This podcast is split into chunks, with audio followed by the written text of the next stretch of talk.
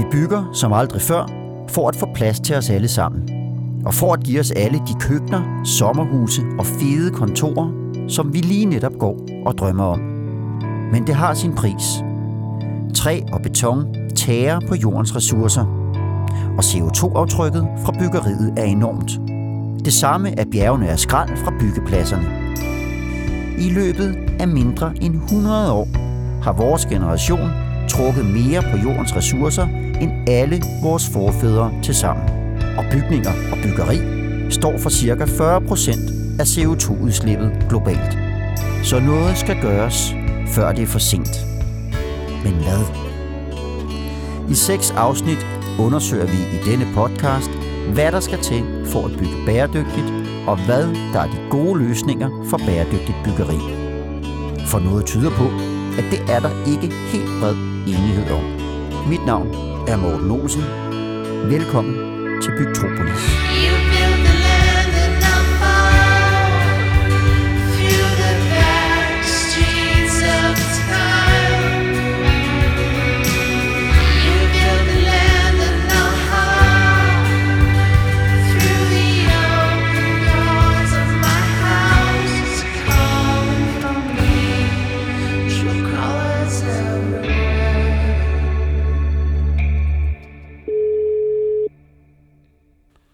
Morten Birkved. Hej Morten, det er Morten. Hej Morten. Jeg har tænkt på en ting, og det er, om jeg bor bæredygtigt i min lejlighed.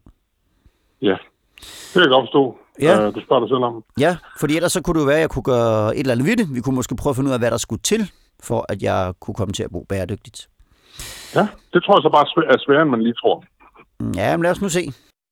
Jeg er ved at finde ud af, om min bolig er bæredygtig. Og det er fordi, at afsnittet i dag handler om, hvordan vi kan indrette vores huse, bygninger og byer, hvis vi gerne vil gøre det grønnere. Men inden vi kommer videre i beretningen om min lejlighed, så vil jeg lige tage jer med en tur til Roskilde. For hvem siger, at fremtidens by skal have parcelhuse på 120 kvadratmeter, et forsamlingshus og en hal, hvor man kan spille badminton og stemme, når der er folketingsvalg? For 50 meter drej til venstre. For at blive klogere på det, skal jeg ud og tale med en, som vi har hilst på før. Det her er et gammelt øh, industriareal, der ligger bynært. Øh, dem er der jo ikke sindssygt mange af rundt om i Danmark, men det er, de er dog nogle steder. Det er Esben Danielsen, der er direktør i Lokale- og Anlægsfonden. Og i første afsnit viste han os lidt af musikon i Roskilde. Og her er vi tilbage nu. Det her var en meget stor betonfabrik, der hed Unicorn Beton, som øh, flyttede al produktionen til, jeg tror det var Polen. Og så lå den lige her i kanten af Roskilde, øh, faktisk mellem festivalplads og by. Øh, og så fik man en idé om, at det skal da være et nyt byudviklingsområde. Og det, der var meget atypisk herude, det var, at man lavede faktisk en meget åben byplanlægning. Øh, det vil sige, at man har friholdt nogle områder, hvor man ikke har lagt en meget skarp plan, sådan at de forskellige aktører, der havde lyst til at tage fat, havde noget frirum at tage fat i. Her på Musikon, der ligger lige mellem motorvejen og Roskilde station, ja, her vil man prøve at bygge en helt ny bydel op efter bæredygtige principper. Man prøver at se helt anderledes på bygninger og fællesarealer, og lade dem, der skal bruge dem, være med til at bestemme, hvordan det skal se ud. De projekter, jeg har fulgt, hvor man øh, genanvender for eksempel beton på stedet og alt sådan noget, så viser det sig i virkeligheden, at det ikke er det, der gør den kæmpe forskel. Det virkelig interessante var, hvis vi byggede og ikke behøvede at rive det ned, men kunne omstille det, vi byggede til ny brug, så det kunne holde meget, meget længere. Øhm, så, så vil vi virkelig spare både ressourcer og materialer.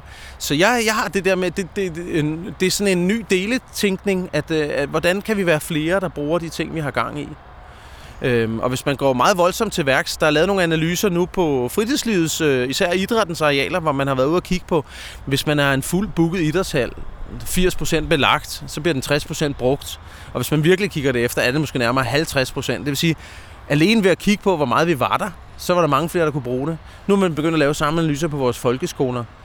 De bliver brugt meget mindre. De står tomme det meste af tiden, fordi vi hele tiden har sådan noget med, at vi skifter arena, når vi laver noget. Det gjorde man jo ikke i gamle dage. Der var landsbyskolen jo noget, man brugte 24-7. Så vi skal i virkeligheden tilbage til nogle ret gamle dyder, som vi skal bare så ikke, vi skal ikke tilbage i jordhulen, men som vi så skal bruge, kan man sige, på en moderne kontekst. Og Esben Danielsen her vender vi tilbage til. For vi hopper lige ind til en anden gammel kending. Det er Søren Meier, der er udviklingschef for Grundejernes Investeringsfond. Det er ham, der har svært ved at finde hoved og hale i det med bæredygtighed.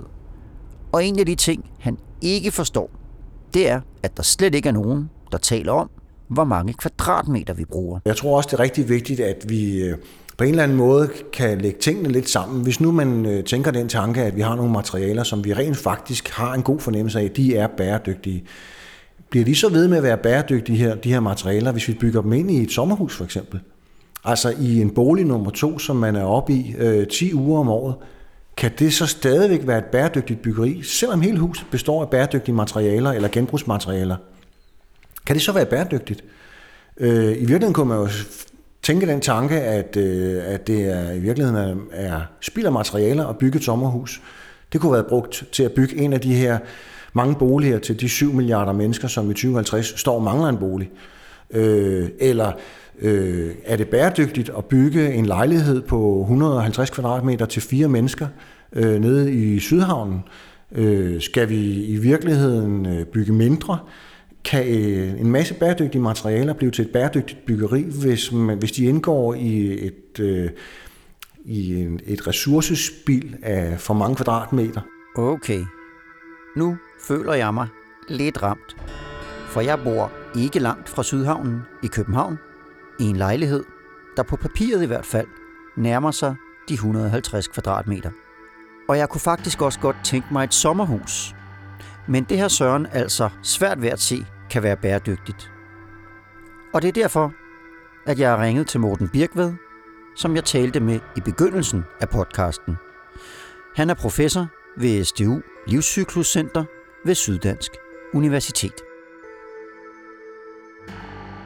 Morten, øh, vi bor i en gammel bygning, og den er på papiret på 147 kvadratmeter vores lejlighed. Men vi bor også fire mennesker på den. Så tror du ikke, det er bæredygtigt? Det lyder da meget fornuftigt. Mm. Øhm, det er en gammel bygning, det vil så sige, at I bruger materialerne efter bedste beskub, og I fordeler arealerne ud på en del mennesker. Jamen, det lyder meget fornuftigt. Så tror du, det er bæredygtigt? Det tror jeg ikke, fordi der er Nå. andre parametre, der tæller med. Men øh, umiddelbart, at øh, I bor i noget ældre byggeri, hvor man kan afskrive miljøpåvirkning, eller hvor miljøpåvirkning er afskrevet, det er generelt en god idé. Mm. Men stadigvæk ikke bæredygtigt nok. Formentlig ikke. Det er ikke let at være bæredygtig. Men for lige at opsummere det, som Esben Danielsen og Søren Meier siger, så kan vi faktisk udnytte de kvadratmeter, vi har bedre, så vi kan bygge mindre. Og det gælder altså både vores boliger og alle de fællesarealer, vi har rundt omkring. For eksempel skoler og idrætshaller. Jeg er på vej ind til Kurt Liljegren, der er direktør i Boligøkonomisk Videnscenter. Og han har virkelig mange tal om det danske boligmarked. Og ved ret meget om, hvordan vi boede tidligere, og hvordan det ser ud som om, vi kommer til at bo i fremtiden. De sidste 20 år der er boligmarkedet blevet meget delt op i Danmark. Øh, tidligere har boligmarkedet mere bevæget sig i en, en fælles trend op og ned, men sådan er det ikke længere. Siden midten af 1990'erne der har vi set en opdeling, hvor der har været en stadig kraftigere vækst i byerne, især i de allerstørste byer, men samtidig er det gået mere tilbage ude i landdistrikterne, især i de fjernere dele af landet i forhold til de store byer, der ser vi, at boligpriserne faktisk er, øh, har stået i stampe i en længere periode. Så vi kan tale om et boligmarked, der kører i forskellige tempi, i forskellige gear, og det bliver mere udtalt, som årene går. Ifølge Kurt Liljegren, så har danskerne en af de højeste standarder af boliger i verden. Og så er vi også nogle af dem, der har allerflest kvadratmeter at bo på. 57 kvadratmeter, helt præcis, har hver dansker fra vugge til plejehjem i gennemsnit at boldre sig på. Men vi danskere ændrer os, så om 20 år er det måske nogle andre behov, vores boliger skal dække, end det er i dag.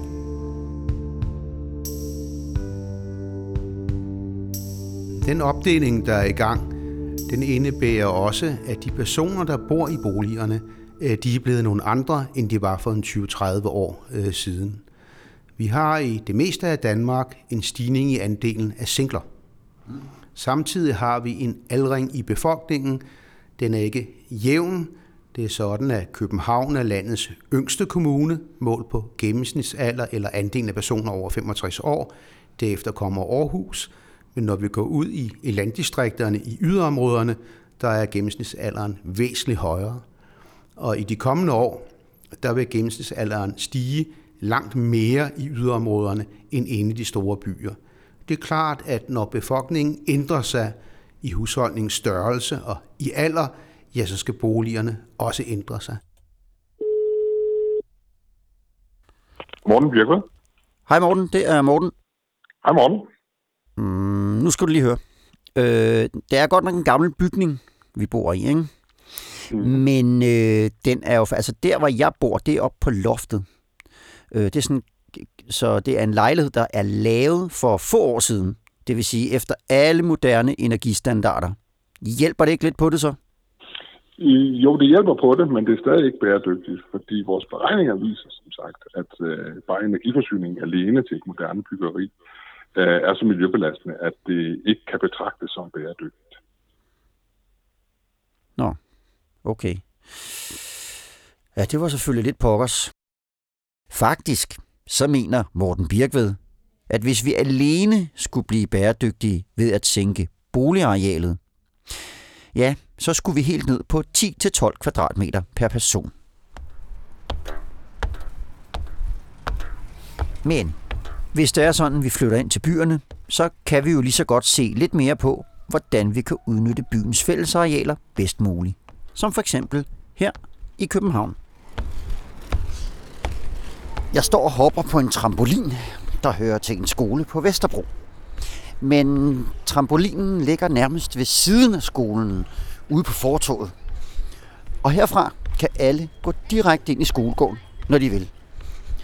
Og det har tit undret mig, men der er en mening med galskaben. Og den fandt jeg hos Esben Danielsen på Musicon i Roskilde.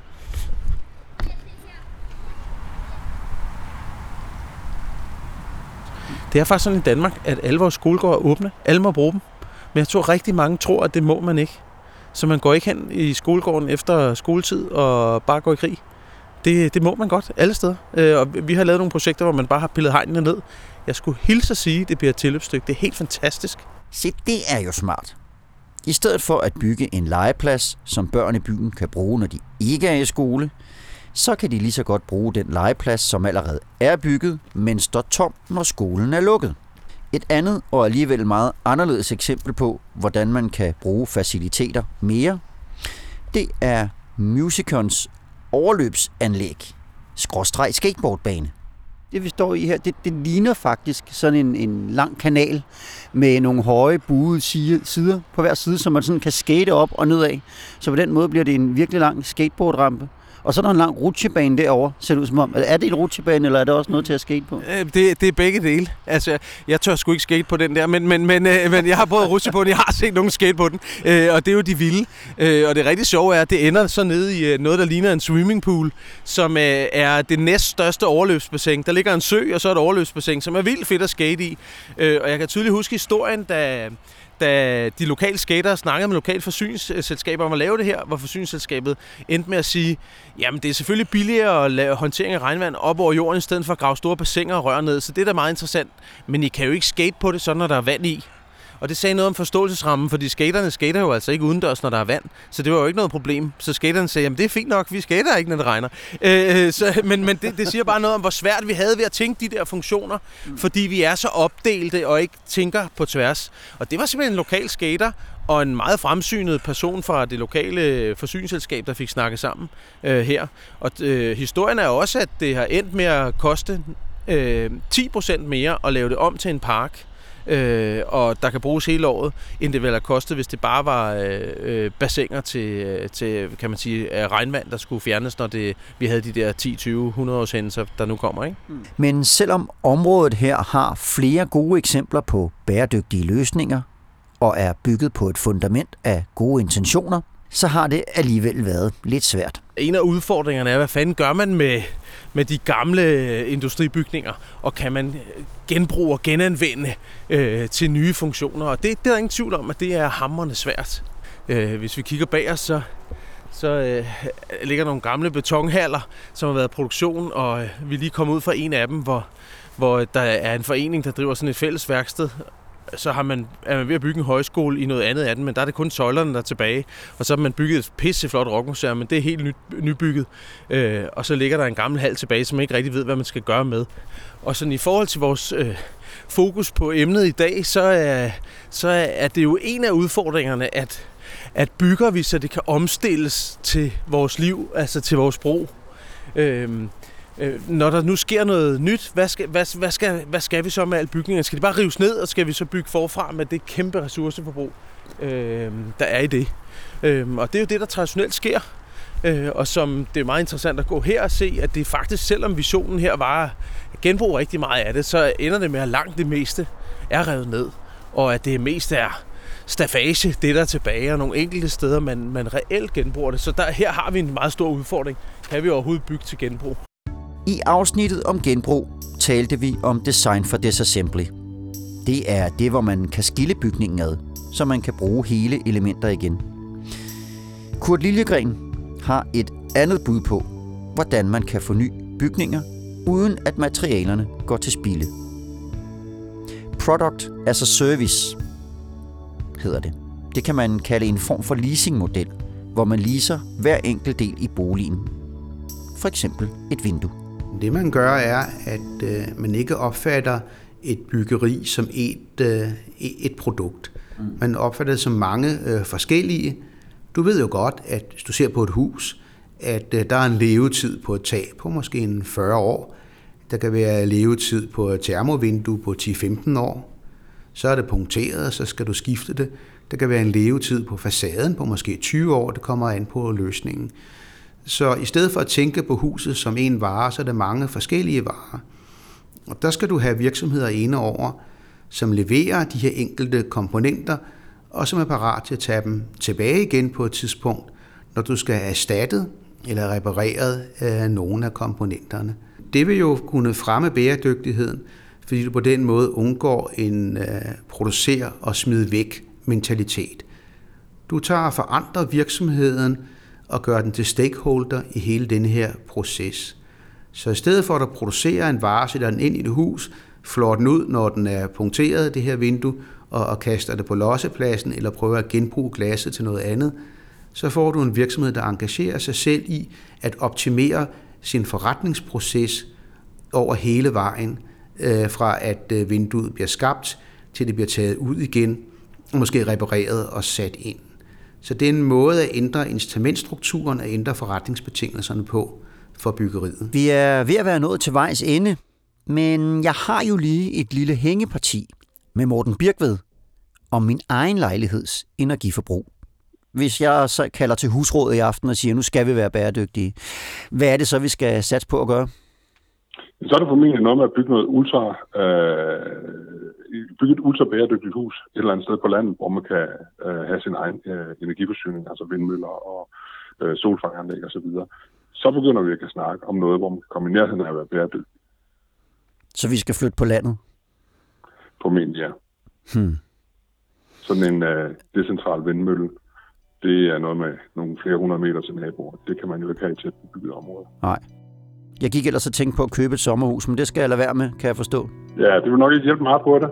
Jeg beklager. Hmm. Det var ikke så opløftende, Morten, men øh, tak fordi du gad hjælpe mig. Ja, jeg beklager, men øh, det var så lidt. Nu er der ikke noget galt med at bo på landet. Der har jeg selv boet i mange år. Men lige nu passer det mig altså meget godt at bo i byen. Ligesom mange andre flytter til byen i de her år. Og nogen peger også på, at urbaniseringen kan være god for klimaet. Men lige meget hvad, så må vi sande, at det ikke bliver let. Morten Birkved her siger jo, at vi nærmest kan bygge nok så bæredygtigt, men det langsigtede regnskab vil aldrig gå op alligevel, hvis ikke den energi, vi hiver ud af vores stikkontakter, bliver grønnere. Men hvordan kommer vi videre med det, vi allerede ved? Det prøver jeg at give nogle bud på i næste afsnit af Bygtropolis. Bygtropolis.